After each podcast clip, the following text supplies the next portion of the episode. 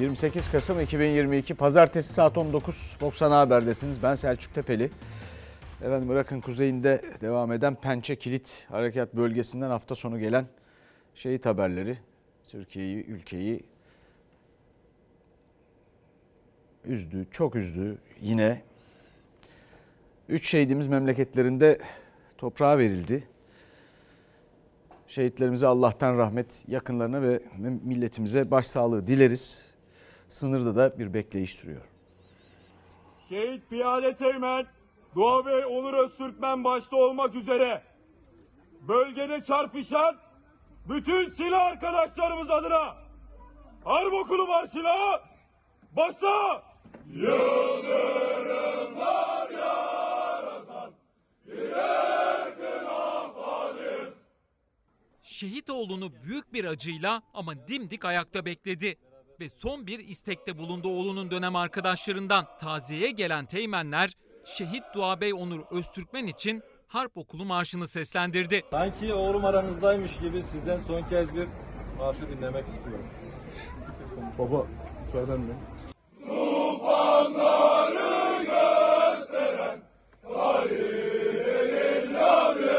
Hafta sonu Türkiye'nin yüreğini yakan haber Irak'ın kuzeyinden geldi. Pençekilit operasyonu bölgesinde PKK'lı teröristlerin saldırısında 7 askerimiz şehit oldu. Şehit Teğmen Doğabey Onur Öztürkmen'le piyade uzman çavuş Eyüp Uğurlu'nun cenazeleri Gaziantep'e getirildi. Şehit Teğmen Nizip'e bağlı Dasöyük mahallesinde toprağa verildi.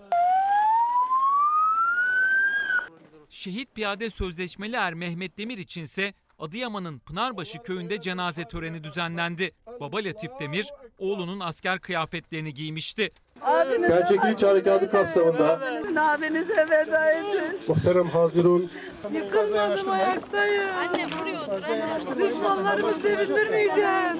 Şehit sözleşmeli er İsmail Ünal'ı ise annesi babası ve kız kardeşleri asker selamıyla karşıladı Ordu Giresun Havalimanı'nda. Diyor İsmail daha olsa feda olsun. Damatlık giydi bugün benim oğlum. Hainler kendine sevinmesinler hiç. Bu vatanı bekleyen binlerce İsmail var. vatan sağ olsun. Dediği Vatan gibi, sağ olsun. Dediği gibi 10 tane daha olsa 10 tanesini daha veririm yolda. Şehit Ünal'ın cenazesi Giresun'un Espiye ilçesinde toprağa verildi. Şehitler vatan toprağına emanet edilirken silah arkadaşları da terörle mücadeleye devam ediyordu. Suriye'nin kuzeyindeki Barış Pınarı ve Zeytin Dalı bölgelerinde 14 PKK'lı terörist etkisiz hale getirildi. Milli Savunma Bakanlığı o anlardan birini paylaştı.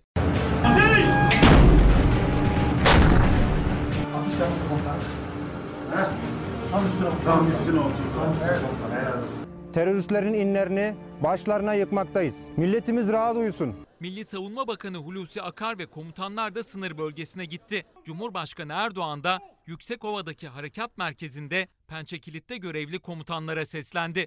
şehitlerimiz var. Tabii ki orada canımız yanıyor o ayrı mesele. Ama bunun hesabını çok ağır soruyorsunuz ve şehitlerimizin de kanları yerde kalmadı, kalmıyor. Mücadeleniz mübarek olsun, yolumuz aydınlık olsun. Efendim haftalardır haber bültenimize çokça bir şehit haberiyle başlıyoruz biliyorsunuz. Böyle haber medyasında rutine dönen bir sunuş var gibi geliyor bana.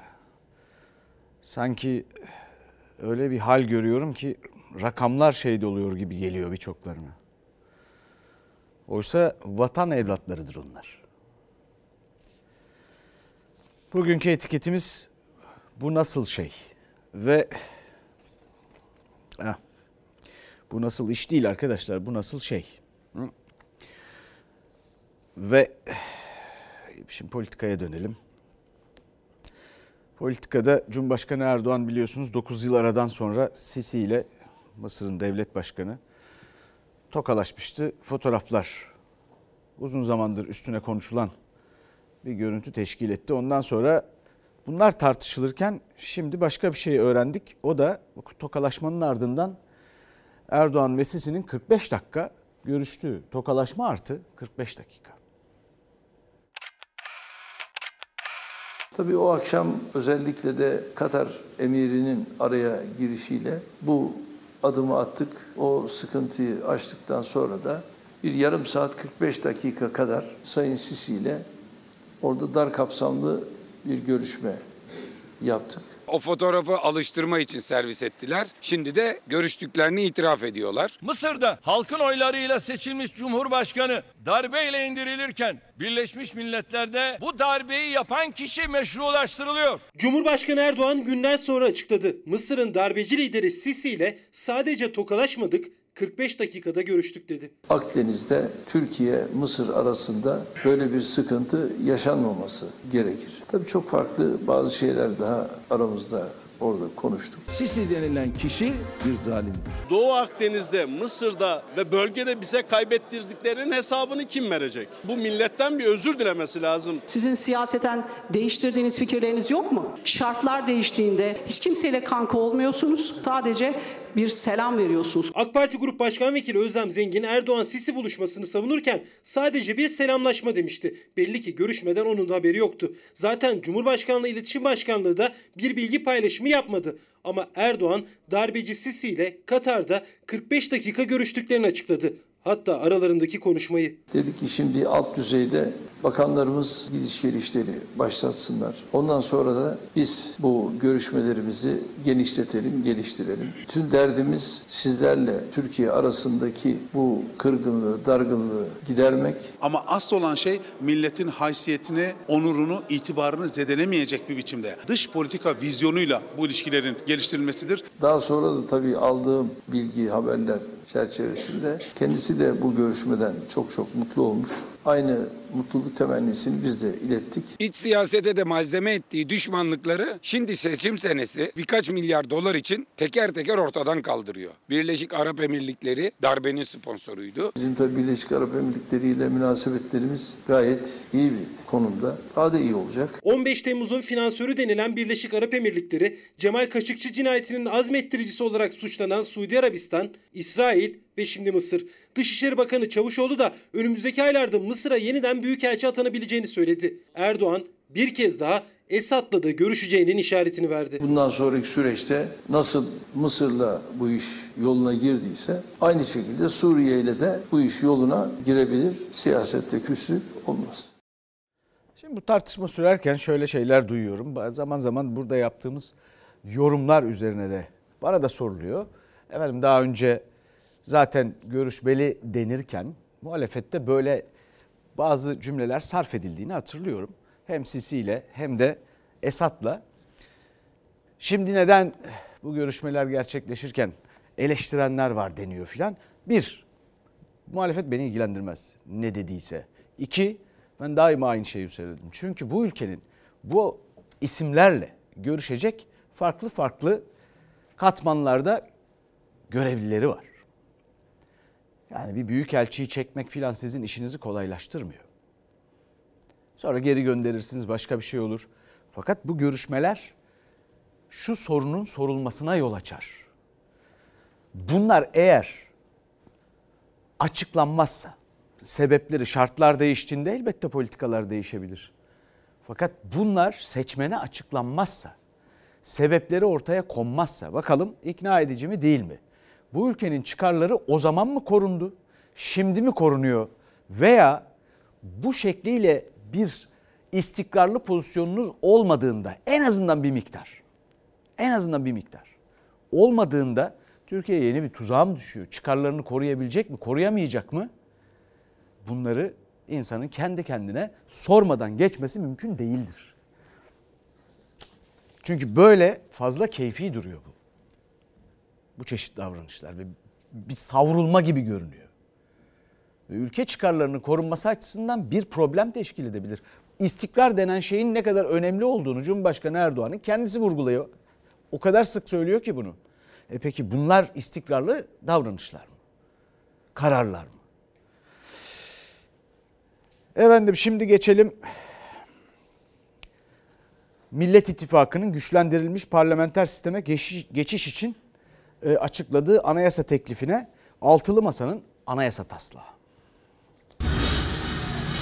Meclisin temsil gücünü artırabilmek amacıyla seçim barajını %3'e düşüreceğiz. Cumhurbaşkanı doğrudan halk tarafından seçilir. Cumhurbaşkanının görev süresi 7 yıldır. Bir kimse ancak bir defa Cumhurbaşkanı seçilebilir. Cumhurbaşkanı seçilenin varsa partisiyle ilişiği kesilir ve Türkiye Büyük Millet Meclisi üyeliği sona erer. Partili Cumhurbaşkanlığı dönemi bitecek. Parti kapatma zorlaştırılacak. Baraj %3'e inecek. Temel hak ve hürriyetler güvence altına alınacak. Altılı Masa parlamenter sisteme geçiş sonrası anayasa değişikliği önerisini şimdi demokrasi zamanı sloganıyla güçlü meclis vurgusuyla açıkladı. Cumhurbaşkanı milletler arası bir sözleşmeden gece yarısı tek başına çıkma kararı veremeyecek. Sorun sistemdedir. Bu ucube sistemde Merkez Bankası'nın bağımsız olamayacağını biliyoruz. Meclisi yeniden güçlendirmenin zamanı. Bir kişinin yanlışlarının yükünü hepimiz çekemeyiz. Tanıtım videosunda da Altılı Masa'nın anayasa değişikliği maddeleri sıralanırken de sistem ve tek adam eleştirisi vardı. Anayasa değişikliği teklifinin başlıklarını kurmaylar açıkladı. Altı lider somut maddelerin yazılı olduğu anayasa teklifiyle yan yana kürsüdeydi. Birlikte görüntü verdiler.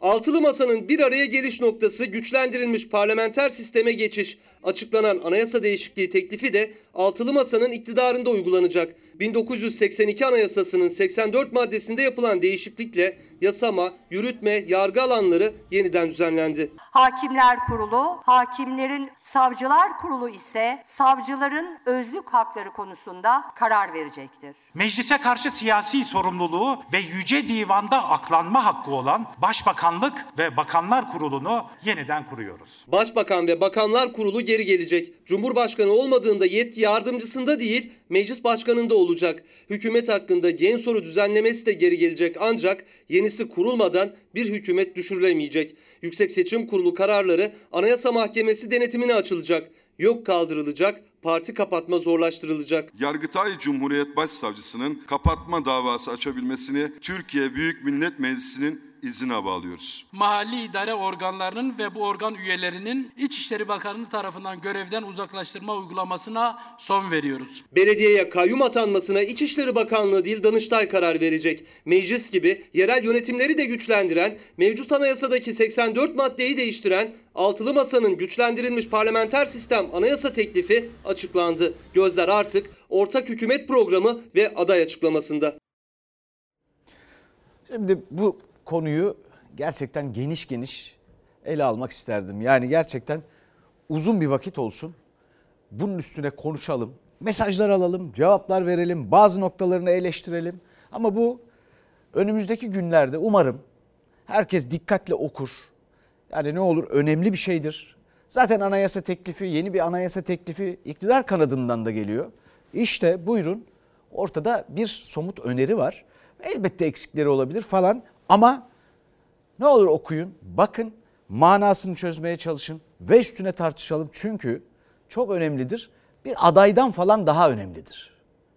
Çok önemlidir. Bütün hayatımızı düzenleyen şeydir ki 84 maddesi var, 9 başlığı var. Seçimden sonra e, efendim işte Millet İttifakı bir başarı elde ederse sunulacak. Mesela savunma ve barolara anayasal güvence gelmesi, savunma tarafının yargılayan iddia makamıyla eşit konuma getirilmesi, YSK'nın e, kararlarının Anayasa Mahkemesi denetimine açılması, efendim işte HSK ve YÖK'ün kalk, kalkıyor olması, ayrı kurullar, sonra coğrafi teminat hakimlere, efendim meclise ekstra buraya üye seçme hakkı. Bunlar önemli şeyler. Önemli şeyler. Barajın yüzde üçe indirilmesi. Daha pek çok şey var. Üzerine konuşalım isterim. İnşallah önümüzdeki günlerde ve haftalarda devam ederiz konuşmaya bunları. Ama siz de ne olur açın, bakın bu önerilerin hepsini değerlendirin ve yorumlarınızı da yazın. Ee, işte bize ulaştığı kadarıyla biz de burada üstünde duralım. Peki şimdi bir de bu açıklandıktan sonra parlamenter sisteme geçiş anayasası metninin açıklanmasından sonra muhalefet liderleri, altı muhalefet lideri Demokrat Parti'de buluştu. Ee, şimdi sırada ne var? Hükümet programı. Bunun üzerinde çalışıyorlar. Önce o açıklanacak. Adaydan önce hükümet programı. Er veya geç Yüksek Seçim Kurulu'nun seçim takvimi çalışmaya başladığı andan itibaren mecburen adaylarını açıklayacaklar. Seçimlerin takvimi işlemeye başladığında adayın ilan edileceğini Sağır Sultan da biliyor zaten. Daha önceki bir tarihte aday açıklanabilir mi? Altı lider oturup anlaşır. Karar verirlerse aday o gün açıklanır. Adaylık bilmecesinin gölgesinde muhalefet liderleri bir kez daha yuvarlak masa etrafında buluştu. Bu kez Adres Demokrat Parti. AK Parti cephesinde ise seçimin ne zaman olacağı değil, ne zaman olmayacağı açıklandı. Seçim kanunun değişmesi tarihi 6 Nisan'dır. 9 Nisan ilk pazarı. 9 Nisan'dan önce seçim olamaz Türkiye'de. Cumhurbaşkanı adayının egosunu yenen, devleti bilen, devleti tanıyan birisinin olması lazım. Bu çerçevede hareket ediyoruz. Seçim beyannamesi aralığın sonunda hazır olur dendi. Ocağın ilk iki haftasında altılı masa adaylığını açıklayacak. Bu net bilgi. Fox TV'deki orta sayfa programında muhalefetin adayını Ocak ayı içinde açıklayacağına ilişkin önemli kulis bilgisi paylaşılmıştı. Altılı masa toplantısından bir gün önce de Kemal Kılıçdaroğlu adayın niteliklerine ilişkin açıklama yaptı. İyi Partili Yavuz Ağralioğlu'nun sağ seçmen Kılıçdaroğlu'na mesafeli sözlerine yeni günde CHP cephesinden değil ama İlker Karagöz'le Fox Çalar Saat programında Demokrat Parti'den yanıt geldi. Tayyip Bey'in en çok görmek istediği aday kim? Konuşmalarından çıkardığımız Sayın Kılıçdaroğlu'nun karşısında görmek istiyor. Kemal Kılıçdaroğlu oğluna gemicikler aldı da bizim mi haberimiz yok? Kemal Kılıçdaroğlu'nun bakanları vardı da kocasının şirketinden devleti soydu. Bizim mi haberimiz yok? Kılıçdaroğlu bu ülkede andımızı mı kaldırdı? Kılıçdaroğlu bu ülkede Türkiye Cumhuriyeti lefalarını mı indirdi? Kılıçdaroğlu bu ülkede ne yaptı da kazanamayız diyorsunuz? Şu anda onlar gündemi meşgul etmenin gayreti içerisindeler. İşte hadi sen bir yemek hazırla sana gelelim. Komşu sen bir yemek hazırla sana gelelim. Şu ana kadar yaptıkları bu. Altılı masa tıkır tıkır işliyor. Liderlerimizin mutabakatıyla hangi isim aday olarak toplumun önüne sunulursa biz o ismi sonuna kadar destekleyeceğiz. 13. Cumhurbaşkanı olmasını sağlayacağız. Bunlar inanın Türkiye sevdalısı değil. Bunlar Türkiye düşmanı. Kendi partisini devlet sanıyor. Sana da muhalifiz. Bizim seni desteklemek gibi, bizim senin yanında yer almak gibi bir işimiz olamaz. Altı liderin 9. buluşmasında birinci gündem maddesi muhalefetin ortak yol haritası yani hükümet programı. Kurmayların yaptığı çalışmalar değerlendirildi. Hükümet programına son nokta konulduktan sonra liderlerin ilk toplantısında gündem adaylık olacak. Efendim bu parlamenter sistem, güçlendirilmiş parlamenter sistem bugünkü sistemle kıyaslanması, dünyadan örnekler, efendim bunların sorunları, avantajları, şunları bunları hepsiyle ilgili lafı uzatmamak için bir de kitap önerisinde bulunacağım. Ege Ece Güner Toprak, güçlendirilmiş parlamenter sistem, demokrasi fırsatı. Ee, buna bakmalısınız çünkü epeyce fikir verebilecek bir çalışmadır. Şimdi ekonomi haberlerine geçiyoruz. Bir kıymetli izleyicimiz EYT'lilerle ilgili bir paylaşımda bulunmuş. Ee, seni takipten çıkıyoruz Selçuk demiş kıymetli izleyicimiz. Yani EYT ile ilgili burada emeklilikte Selçuk'a takılanlar diye bir şey yok. Aman ne olur. Bakın burada bizim yaptığımız haber, ısrar, takip bundan daha fazlasını kimse yapmıyor. Yalnız valla takip de benim açımdan çok önemli değildir. Hani siz bilirsiniz yani ben takip üzerinden kendi kendimi hayatta değerlendirmem doğrusu. Sosyal medyaya çok fazla da kendimi kaptırmam. Çok da sosyal medya umurumda değil açık konuşmak gerekirse. Ama EYT'liler gün sayıyor onu da paylaşalım önemlidir. Kafalar karışık gelecek EYT haberimiz de var. Emeklilikte yaşa takılanlar ama emeklilikte Selçuk'a takılanlar değil ama en, hiç olacak iş değil. Eee Efendim Cumhurbaşkanı Erdoğan yokluğu ve sefaleti tarihe gömdük dedi.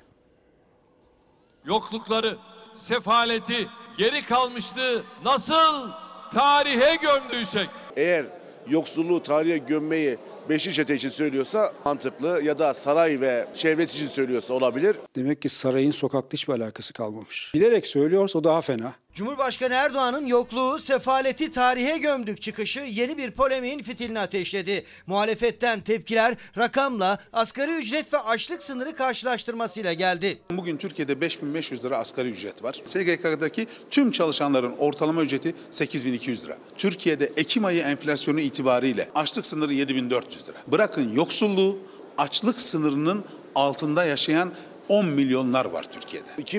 2002'de 9 bin olan milli gelir bugün 9 bin doların daha altına düşmüş bir durumda. Şu anda sosyal yardımlardan yararlanan tekil hane sayısı 4 milyon 332 bin 805. Aile Bakanlığı'nın 2021 yılı faaliyet raporunda 5 milyon 903 bin hanenin sosyal yardım aldığı yazıyor. Gıda yardımı yapılan kişi sayısı ise 11 milyon 369 bin. Ama Cumhurbaşkanı yokluğu, sefaleti tarihe gömdük dedi. Türk İş'in Ekim ayı açlık sınırı 7425 lira.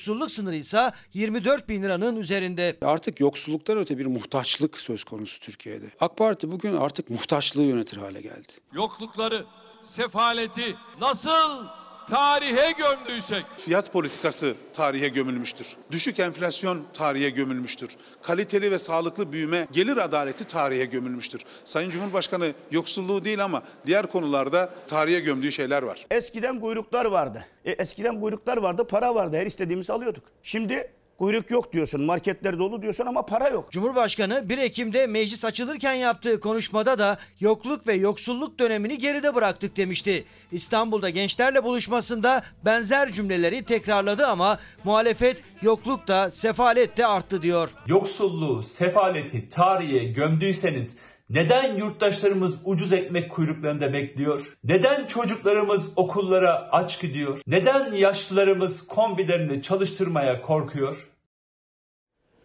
Efendim oradaki biraz önce haberin içindeki hane sayılarını gördünüz. Yardım alan, gıda yardımı alan 10 milyonlardan bahsediyoruz. Yani bir millet yardımla yaşamaya başlamış durumda adeta. Sanki bu ülke vergi toplamıyor bu hükümet. Bu devlet vergi toplamıyor, vergilerle icraat yapmıyor. İnsanlar bir şekilde sosyal devleti bırakın neredeyse bir sadaka devletinde yaşamaya başlamışlar. Ve bu arada da ekonomik koşullar ortada. Bu nasıl şey diyeceğimiz şartlar içinde yaşıyoruz. O kadar çok mesaj var ki millet aç, orta direk ortadan kalkıyor. Kaldırılıyor. Artık sadece zengin ve fakir var. Bittik demiş. Bu nasıl şey demiş. Bir kıymetli izleyicimiz mesela. E biz yoksulluğu ve sefaleti mi tarihe gömdük yoksa bu ülkenin orta direğini, fakirini, fukarasını mı? Bunu düşünmek lazım. Dışarıda durum öyle değil yani. Bu arada tabii bu ülkede bir takım olumlu şeyler yapmaya çalışanlar yok mu? Var. Bilhassa yerel yönetimlerde yeni fikirler, bir takım çalışmalar yapılıyor. Bunların bir kısmı, önemli bir kısmı muhalefetten. Bu çalışmalardan bir tanesi öğrencilere, ilkokul öğrencilerine günde iki öğün yemek. Ee, bununla ilgili bir çalışma, ondan sonra da hayata geçirilen bir durum, bir hizmet söz konusu ama öğrenciye ücretsiz yemeği bakın kim durduruyor? Milli Eğitim. Torunlarla beraber çoluk çocuk bir evde 14 kişi kalıyor. Bunların beslenmesi ne diyeyim sana hiç iyi değil yani. Bugün ne bulursalar onu yiyorlar. Akşama kadar açlıktan ölüyorlar. Yalan değil. Bak sabahtan okula bile gidemedi bunlar. Yokluğun fotoğrafı. Bir evde 14 kişi yaşamaya çalışan bir aile. Beslenme bir kenara karınlarını doyurmaya çalışan çocuklar. Burası Çiçek ailesinin mutfağı. Mutfaklarında bir buzdolabı yok sadece. Küçük bir dolap var. Zaten buzdolabı olsa da içine koyacak yemekleri yok. Sadece birkaç parça ekmek dilimi var. Sabah çıktı bana geldi ekmek veren dedi. Tuttum yavan ekmeği verdim eline onu yedi. Ne yiyecek başka? Ahmet 11 yaşında. Beslenme saatinde arkadaşlarına özenmeyi değil, okul çıkışında eve uzun uzun yollardan yürürken sadece dersleri düşünmeli. Hayat pahalılığı alım gücünün düşmesi en çok da çocukları etkiledi beslenmelerini. İyi Parti yaklaşık 16 milyon öğrenciye okullarda ücretsiz kahvaltı ve öğle yemeği verilmesi için önerge verdi. Cumhur İttifakı oylarıyla reddedildi. 16 milyon öğrencimiz için talep ettiğimiz miktar öğrenci başına yaklaşık 22 lira.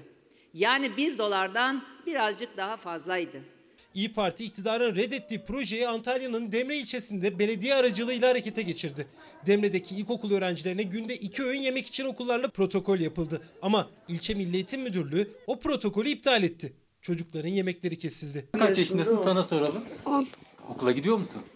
Sabah kahvaltıda işte 10 liralık yumurta aldım, 5 liralık zeytin, 5 liralık peynir aldık ama Allah şahitim doymadık. Sofradan da aç kalktık. Ankara'da Milli Eğitim Bakanlığı'na birkaç kilometre uzaklıktaki bir mahalle. Anne babalar değil beslenme çantalarına yiyecek koymak, yokluktan çocuklarını okula dahi gönderemiyorlar. Okula da gönderemedim, durumum yok. Akşam ne yedireceksiniz çocuklara?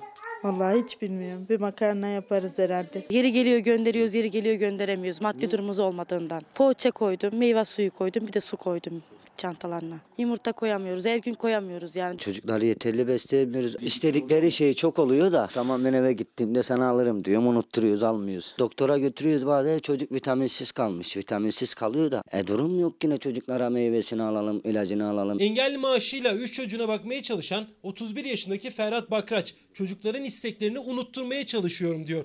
Torunlarına bakan Yeliz Karadağ da çaresiz. Az sonra çocuklarıma ne yedireceğimi bile bilmiyorum. Bir ekmek alacak param bile yok. Bulgur pilavı pişiriyorum çocuklarıma mesela. Çorba yapıyorum. Bu makarna istedi de makarna yapayım dedim. Makarna. Makarnayı çok seviyor. Bir tarafta İyi Parti'nin engellenen okullarda ücretsiz yemek projesi, diğer tarafta yokluğun adresleri. Bakanlığın adında milli var değil mi? Milli Eğitim Bakanlığı. Peki bu davranış milli bir davranış mı? Çocukların karnının doyup doymaması. Yoksa iktidarla muhalefet arasında ayrım yapan çocukları bile göz ardı ederek ayrım yapan küçük bir siyasi hesap mı bu? Hani nerede burada milli davranış nerede? Bu ülkede devlet okullarındaki bütün ilkokul öğrencilerine ücretsiz yemek verilmeli. Buna kim itiraz edecek? Ha, buyurun Milli Eğitim itiraz etmiş. Efendim şimdi yakacakla ilgili bir durumdan bahsedeceğiz. Eski mobilyalar yoksula yakacak oldu. Böyle bir tane içliğim var, şu var, bu var, bir de yeleğim var. Oturuyorum soba yanana kadar. Bu sene soba ilk kez mi? Evet, ilk kez yanacak. Kömür zaten hiç de alamıyor. Kömür de pahalı. Doğalgaz onlar için lüks. Kömür almaya da güçleri yok. İstanbul'da yaşayan, yoksullukla mücadele eden aileler atılan mobilyalardan çıkan parçaları kışlık yakacak olarak kullanmaya başladı. O da çare olmazsa sokaktan toplanan tahta parçaları imdatlarına yetişiyor. Sokaklarda tahta başlar oluyor. Bir de işte bu- bunlarla idare, idare ediyoruz. Kömür alamıyorsun. Yok. O da her zaman olmuyor. Denk gelip getirirsek öyle yani. Yeni bu kapılar gelmiş, pencereler gelmiş. Bir oğlanın bir arkadaşı bir yeri söküyormuş. Gel götür de yakın sobada. Bir de dünyanın parasını verir kestiriyorsun. 2-300 liradan aşağı kesmiyorlar yavrum. Kömür alacak güçleri yok. Özellikle dar gelirli aileler İstanbul'da kentsel dönüşümle birlikte boşa çıkan evlerin kapılarını, pencere pervazlarını, ahşap malzemelerini toplayıp kışlık yakacak olarak kullanmaya başladılar. Peynirimiz bitti. Aylığımı da perşembe günü alacağım. Dedim idare edeceksin Burak zeytinle. İstanbul Üsküdar'da 37 yaşındaki engelli oğluyla birlikte yaşıyor Fatma Değirmencioğlu. Evi kira. Babasından kalan 3 aylık maaşla geçinmeye çalışıyor. Sobası var ama içine atacak ne odun ne de kömürü vardı. Yardım gelene kadar. Elektrik geliyor, e, su geliyor. E, doğalgaz kullansam başaramam. Üsküdar'daki zemin kattaki bu dairenin kapısına kadar doğalgaz gelmiş ama aile bütçesi yetmediği için doğalgaz tesisatını evine döşeyememiş. Fatma Hanım oğluyla birlikte belediyeden yakacak yardımını aldı ve bu kışın ilk sobasını bugün burada yaktı. İnsan canı elma istiyor, meyve istiyor ama alamıyorum. Alsam ekmek parası şey yapamayacağım. Evlerde kullanılmayan koltuklar, kanepeler, mobilyaların ahşap kısımları işte bu merkezde dönüştürülüyor ve kışlık yakacak haline geliyor. Günümüz şartlarında elektriğin, doğalgazın ve kömürün cep yaktığı bu dönemde işte bu malzemeler dar gelirli aileler için önemli bir kaynağa dönüşüyor. Üsküdar Belediyesi'nin yakacak yardımıyla bu kış 2500 ailenin bacası tütecek. yakacak olarak Üsküdar'daki ihtiyaç sahibi vatandaşlarımıza bizzat evlerine kadar getiriyoruz. 42 yaşındaki Şükriye Çalışkan da 4 nüfusla bu tek katlı evde yaşamaya çalışıyor. İki göz odalı evde rutubet yüzünden ailenin tüm fertleri astım hastası. Hepimizde şey var. Astım sorunu. Doktor düzenli besleyeceksin diyor. Hiç Evet, yani. süt. Hiç onlar alamıyorum işte. Günlerdir, haftalardır anlatmaya çalıştığımız maaş promosyonu, özel sektörde maaş promosyonu konusunda beklenen haber geldi. Efendim biliyorsunuz kamuda kimi kanuni düzenlemeler var bu konuda. Fakat özel sektörde yok. Cumhuriyet Halk Partisi özel sektör çalışanlarının promosyon hakkı da yasal zemine otursun diye kanun teklifi hazırladı. İşvereni bu süreçte aradan çıkartmayı öngören bir teklif bu. Promosyon alabildiniz mi? Hayır. Alamadım. Şu yaşıma geldim hiçbir türlü hakkımı alamadım yani hiçbir sektörde. Hep böyle paralar su altından kaydı gitti. 44 yaşında hakkını arayamayan, alamayan özel sektör çalışanlarından biri o. Promosyon da alamadı. İşsizlik endişesiyle promosyon hakkını talep dahi edemeyen özel sektör çalışanları için CHP kanun teklifi hazırladı. Teklif kabul edilirse promosyon sözleşmelerinde ve ödemelerinde işveren devre dışı bırakılacak. Doğrusunu söylüyorlar. Çünkü insanın kendi eline geçecek işçi ona göre hesabını bilip yapsın. İşveren onu e, ne kadar zamanda işçiye ulaştırır, ulaştırır mı, ulaştırmaz mı? Demek ki aracıyı bir şekilde derdest etmek gerekiyor. Kanun teklifini verdik. Kanun teklifinin altında imzalar bizim. Üç grup başkan vekilinin ama kanun teklifinin sahibi biz değiliz. Promosyonlarımızı alıyorlar, el koyuyorlar. Hakkımız olanı, alın terimizin, göz nurumuzun karşılığını alamıyoruz diyen bütün emekçiler verdi bunu. Kamuda çalışanın promosyon hakkı yasayla korunuyor. Özel sektör çalışanlarının çoğunun promosyonuysa patronun kasasında. Almadık. Sadece emekliler için var diye biliyorum. Onun dışında bilmiyorum. Ha, Maaş müşterisi oldunuz bu banka var. var. İşverenimizden de böyle bir bilgi gelmediği için açıkçası bilmiyoruz. Özel sektör çalışanları pek çok hakkından olduğu gibi banka promosyonu hakkından da haberdar değil. Çünkü arada işveren var. Muhalefet de işte bu nedenle bir kanun teklifi hazırladı. Banka promosyonlarının işveren üzerinden değil direkt işçiye verilmesini önerdi. Yolda kuryede olsalar onların promosyonları kendilerinin hesaplarına mutlaka yatırılacak. Bunu meclise verdik. Diğer partilerden de yarın meclis açıldığında genel kurulda destek isteyeceğiz. Özel sektörde çalışanların promosyon talebi dalga dalga yayılıyor. Erzincan İliç'te 900 maden işçisi işveren tarafından açıklanan 3 yıllık toplam 6250 lira promosyon teklifini kabul etmedi. Hakları olan daha yüksek promosyon için eylemdeydiler. Promosyonla alakalı tamam taleplerimiz oldu, söylemiş olduk ama yerine getirmediler. Ya da düşük bir miktar bize söylediler. Gizli tutuldu, açıklama yapılmadı. 30 bin lira varan bir promosyon bazıları vermiyorlar. Biz de bunlarla ilgili sözlü ve yazılı müracaatlarımızı yaptık ama yasal olarak bir düzenleme olmadığı için karşılık bulmasıyla ilgili tereddütlerimiz var. Peki kime gidiyor bu promosyonlar? Bence döner sermayeye gidiyor herhalde. Döner sermaye size dönüyor mu? İmkansız. Gülşah'ın sorusu tabii döner sermaye size dönüyor mu? Elbette dönmüyor. Ya ülkemin güzel insanları o kadar çok böyle hakkınız olduğu halde bakmadığınız, fark etmediğiniz konu, durum var ki bırakmayın bunu. Özel sektör içinde bu yasal düzenleme yapılsın ve insanlar hakları olan promosyonu alsın. Kamuda da yeterince alsın. Ama bakalım şimdi bu meclise verilmiş. Bakalım ne olacak? İktidar kanadı size verilmeyen ve hakkınız olan bu promosyonlarla ilgili yasal güvence istendiğinde bakalım ne diyecekler. Haftalardır hatta aylardır bunu anlatmaya çalışıyorum. Pek çok kişi fark etmeye başladı. Takipçisiyiz. Promosyonunuza sahip çıkın. Ve şimdi bakalım EYT konusu emeklilikte yaşa takılanlar ve bununla ilgili bir borçlanma tartışması var. Bakanın sözlerine rağmen borçlanma başvuruları. Sigorta başlangıç tarihiniz ne zaman? 1. ay 23 2001. Peki SGK'ya niçin geldiniz? TYT'de olabilir miyim? Askerlik borçlanması yapabilir miyim? Onun için geldim. Ama bakan olmaz dedi. Ne zaman dedi? Cuma günü. Allah Allah. EYT'de milat 8 Eylül 1999 aslında yasaya göre bu tarihten sonra sigortalı olanlar da borçlanmayla sigorta başlangıç tarihini öne çekebiliyor. Ancak Çalışma Bakanı Vedat Bilgin EYT'liler için tarihin geri çekilemeyeceğini söyledi. Bakanın sözlerine rağmen borçlanma başvurusu yapanlar vardı. Çünkü kanun açık. EYT için net tarih 8 Eylül 1999 yıpranma hakkı doğum ve askerlik borçlanmaları olsa bile işe başlangıç tarihi geriye çekilemez. Yasa çeker diyor. Bakan EYT bu kapsamda olmayacak diyor. Ha vallahi birbirlerinden haberleri yok. İpronlar da istediği gibi oynuyorlar işte. İlk defa sigortalı olanların sigortalılık başlangıç tarihinden önceki sürelerin borçlandırılması halinde sigortalılığın başlangıç tarihi geriye götürülür.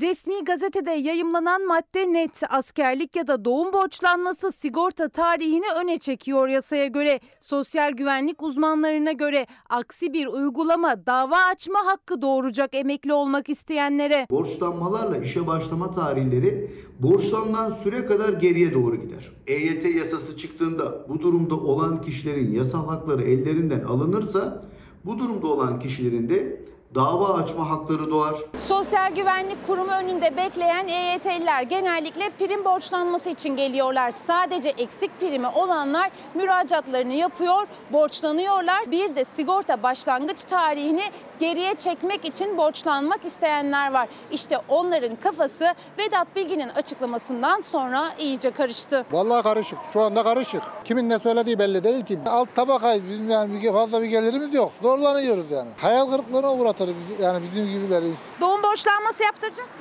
Evet yaptıracağım inşallah olursa. Bakan bir açıklama yaptı. Askerlik borçlanması ve doğum borçlanması sigorta başlangıcını geriye çekmez diye. Ödense de işe yaramayacak dedi. Hadi. Sigortayı geri çekmez mi? O zaman niye yatırıyoruz ki? Ne anlamı var o zaman? Günlerdir kredi çekip borçlanma başvurusunda bulunanlar var. EYT'liler net bir açıklama bekliyor. Ödeyelim biz artık yapacak bir şey yok ne yapalım. Yeni yıldan sonra tekrar zam gelecekmiş bunlara. E devlete bir destek olur. 40 bin lira. Bizim gibi belki milyonlarca adam var. Onlar da yatırır. Devlete destek olur. Bunu da bir düşünsünler. Şimdi emeklilikte yaşa takılanların talepleri var elbette. Efendim stajı, SGK başlangıcı, sigorta başlangıcı sayma. Askerliği sayma. Doğumu sayma. Bunun içinden düşme. Süreyi kısaltma. Peki nasıl olacak bu iş? Bu nasıl şey? Ya bu insanlar bu ülke için askere gitmedi mi? Stajları emek değil miydi? Şimdi benim hikayemde bir elektrik faturasına bakacağız. Elektrik fiyatlarında maalesef gelecek ay fiyatın ne olacağını kestiremiyoruz. Sıkıntımız o. Şöyle söyleyeyim bir bölümümüzde 9 ile 11 arası ödemiş olduğumuz elektrik şu anda 28-30 bin lira arası geliyor. Geçen sene bu zamana göre elektrik sarfiyatında %11, doğalgazda da %17 azalma var. Yani bu sarfiyat azalması demek üretimin azalması demek aslında. Sanayiciyi üretimde azalmaya iten nedenlerden belki de en önemlisi enerji maliyetleri. Ekim 2021'de %48, Ocak 2022'de %80, Nisan'da %20, Haziran'da %22 ve son olarak Eylül'de %25 olmak üzere bir yılda tam 5 kere elektrik zammı gördü sanayici. Toplam zam %380'e ulaştı. Özellikle ihracatçı konumundaki büyük firmaların fatura yükü de bir o kadar arttı. Bu son bir yıldaki artışlardan müthiş derecede etkilendiler. Örnek olarak 2021 Ekim ayında 1 milyon 127 bin TL ödeyen firma aynı kullanım miktarıyla 2022 Ekim'inde yani bir yıl sonra 5 milyon 232 bin lira elektrik faturası ödedi. Yani dünyada e, her yerde enerji artışları bir sorun. E, Fakat bu oranda bir enerji artışı hiçbir yerde yok. Bizim aslında şu anda ana problemimiz bu enerji maliyetlerini aşabilmek. Çünkü 2022'ye göre 2023'ün daha zorlu geçeceğini düşünüyoruz biz. Sanayicinin omzundaki elektrik yükü vatandaşın sırtında da var. Konutlardaki faturalar da yükseldi. Son olarak EPDK Eylül ayında %20 zam açıkladı. Vatandaş bu kış yeni yılda yeni zamlar gelecek endişesi taşıyor. Kışı bekliyoruz yani bu önümüzdeki kış neler yaşarız neler görürüz Allah biliyor. Bir sene öncesi 170-180 lira arasında fatura ödüyordum. Bu son gelen fatura benim 385 lira. 2022'nin ilk günü konutlar için elektrikte kademeli tarifeye geçildi %50 zamla birlikte. Haziran 2022'de %15'lik ikinci zam geldi. Eylül'de ise %20 yani %100'ü geçti zam oranı. Birim fiyatları arttıkça tüketimi kısmaya çalışıyor tüketici. İki kişi yaşıyorum ben, eşim ve ben. İkimiz de evde durmuyoruz. Yani sadece evde evimizde çalışan bir buzdolabımız var. Işıkları da gece yakmadığımız haldeyken 280 lira para geliyor. Türkiye'nin tek kurtuluşu var. Üretim ve ihracat. E bunun içinde maliyetler çok önemli. Maliyetlerde de değişkenlik, çok hızlı değişkenlik sanayiciyi olumsuz etkiliyor. Hastanelerde randevu çilesinin sebebi vatandaşmış, hastalarmış. Hastasındayım. Ben bir yılda ancak Mehmet Akif Ersoy'a şey randevu aldım. Doktor diyor Sağlık ki neden bu Bakanlığı kadar demiş bir ki- saat durdun? E ne yapayım yok randevu yok. Hayırlı günler. Sahip yok. Yok Vallahi yani. Ya yok ablam yok. 15 gün ben ne yapayım evde? Kardiyolojiden randevu alamadım 8 ay. Bir aylık, iki aylık bile süreyle bir randevu verebiliyor öyle. Çünkü yoğunluk çok. Görüyorsunuz hastaneler dolup taşıyor. Hastaların randevu çilesi büyürken o çilenin sebebinin bizzat hastalar olduğunu ileri sürdü Sağlık Bakanı Fahrettin Koca. Bakana göre tıkanıklığın sebebi randevusuna gelmeyen hastalar. Geçen ay randevusu olanların dörtte biri muayene olmaya gelmedi. İptal edilmeden gelinmeyen her bir randevu sistemi yavaşlatır. Sağlık Bakanı demiş randevu alıyorlar gelmiyorlar. Ki, tamam gelmiyorsa ben geldim bana baksın. 3 gündür bu halde gözlerim. 3 gündür bu kapının önünde dolanıyorum. Ben 3 gündür çalışmıyorum. Çoluk çocuk ne olacak? 3 tane çocuk var ikisi okuyor. Günlük mü kazancı? Tabii günlük yemeyeceğiz. İnşaatçıyız halimizi bu görün. 3 gündür 200 lira yemiyeden 600 lira. Kira veriyorum ben 3,5 lira. Gözler bu şekilde. İş sahibi de diyor gelme bu şekilde düşersin diyor. Ben beyin cerrahi uzmanıyım. Bugün poliklinik yaptım. Baktığım hasta sayısı yüzün üzerindedir. Ve bu baktığım hastaların çok büyük bir kısmı randevulu hastalardır. Gelsin bir baksın insanlara. Hani insanlar e, günlerce hatta saat gece saat 12 birlere kadar randevu almak istiyor. Sağlık Bakanı Fahrettin Koca'ya göre hastaların randevu çilesi yaşamasının randevuların aylar sonraya verilmesinin nedeni randevu alıp o randevuya gelmeyen hastalar olması. O hastalar olduğu için de randevu arayışında olan hastalar randevu bulamıyor dedi Fahrettin Koca. Geçtiğimiz ay tam 2 milyon 866 bin 7 kişi MHRS üzerinden randevu aldığı halde muayene olmaya gelmedi. Sadece Ekim ayında 3 milyona yakın kişinin randevu alıp da hastaneye gitmediğini söyledi Bakan Koca. Türk Tabipleri Birliği'ne göre ise randevu çilesinin tek sebebi bu değil. Kadrolar bir kısmı şehir hastanesine götürüldü. E diğer tarafta e, e, aletlerin bir kısmı götürüldü. Tam bir kaotik durum var sağlık açısından. İç hastalıklarla ben 3 ayda uğraşırım alamıyorum. Neden kaynaklı peki bu sıkıntı? Sistem daima dolu görünüyor. Hastaneler dolu. Şu anda gidin mesela nefroloji bile gidin. 20 tane adam sırada bekliyor. Gülay Kızıl da o randevu bulamayan hastalardan biri. 6 aydır baş ağrısı çekiyor. Sonunda muayene olabildi. Bu kez de tahliller için bekliyor. Teşhis koyabildi mi hocam? Film falan çekilecek. Ondan sonra kan tahlili yapılacak. Bunlar için de tekrardan randevu almam lazım. Belki de beklerken iyileşmişlerdir. Şimdi bir başka habere gidiyoruz. Feci. Jandarma gölgesinde çevre toplantısı. Ya aç kaldı ne meyve kaldı ya. Her gün dinamitten sallanıyoruz, deprem oldu zannediyoruz. Her gün korkuyla yaşıyoruz ya. Akarca muhtarı ve birkaç e, bölgede yaşayan kamyon şoförünün istemi doğrultusunda e, güvenlik güçlerinin çemberi içerisinde bir halkın katılımı toplantısı yapılmaya çalışıldı. Aslında olmayan bir şey varmış gibi gösterdiler. Kanuna aykırı bir toplantı yaptılar şu anda. İstemeyenleri dışarı aldılar, isteyenler orada toplantı yapıyor. Kalker ocağı istemeyen köylüler çet raporu için halkın katılım toplantısına alınmadı. Jandarma güvenlik çemberinin dışında kaldılar. O çemberin içinde ise iddiaya göre sadece Çevre ve Şehircilik Bakanlığı yetkilileriyle ocağı istediğini söyleyecek dört kişi vardı. Diğer köylüler seslerini duyurmaya çalıştı. Ben istemiyorum kardeşim. Bu toplantı böyle Çet yönetmeliği 9. maddesi gereği tüm halkın bu toplantıya gelerek görüşlerini ifade etmesi gerekirken e, dört kişiyle ÇED'in yapılması, ÇED toplantısının yapılması elbette e, aykırı bir anlayış olarak değerlendiriyoruz. Hatay İskenderun'a bağlı Akarca'da köylüler uzun süredir kalker ocağına karşı mücadele veriyor. Çevresel etki değerlendirme toplantısı yapılacaktı. O toplantıya yönetmelik gereği halkın da katılması gerekiyor. Ancak iddiaya göre olumsuz görüş bildirecek köylüler toplantıya alınmadı, tutanak tutuldu. Bana karşı geldi. Jandarma bana karşı geliyor. Niye bizim gelip ormanımızı katletmeye çalışıyor? Burada doğa tamamen katlediliyor. Diğer ocaklar hali hazırda ormana, ağaçlarına, meyvelerine zarar verdi. Evlerinde çatlaklar oluştu köylülerin. Yeni bir kalker ocağına hayır diyorlar. Jandarma engeliyle seslerini duyuramadılar. Her gün deprem yaşıyor, her gün şurada. Gidecek bir yaylamız var bizim burada. Yaylamız kalmıyor bizim ya. Gidecek, sığınacak yerimiz Sen madem Efendim bir de şimdi organize futbol terörüne bakalım.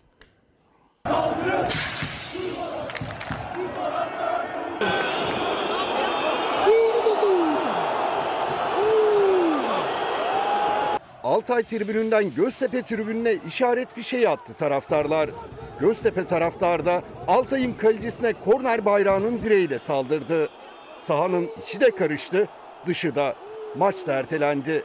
Sis bombasını ve işaret fişeğini statta görevli iki ambulans şoförünün içeriye soktuğu ortaya çıktı. Canımız yandı.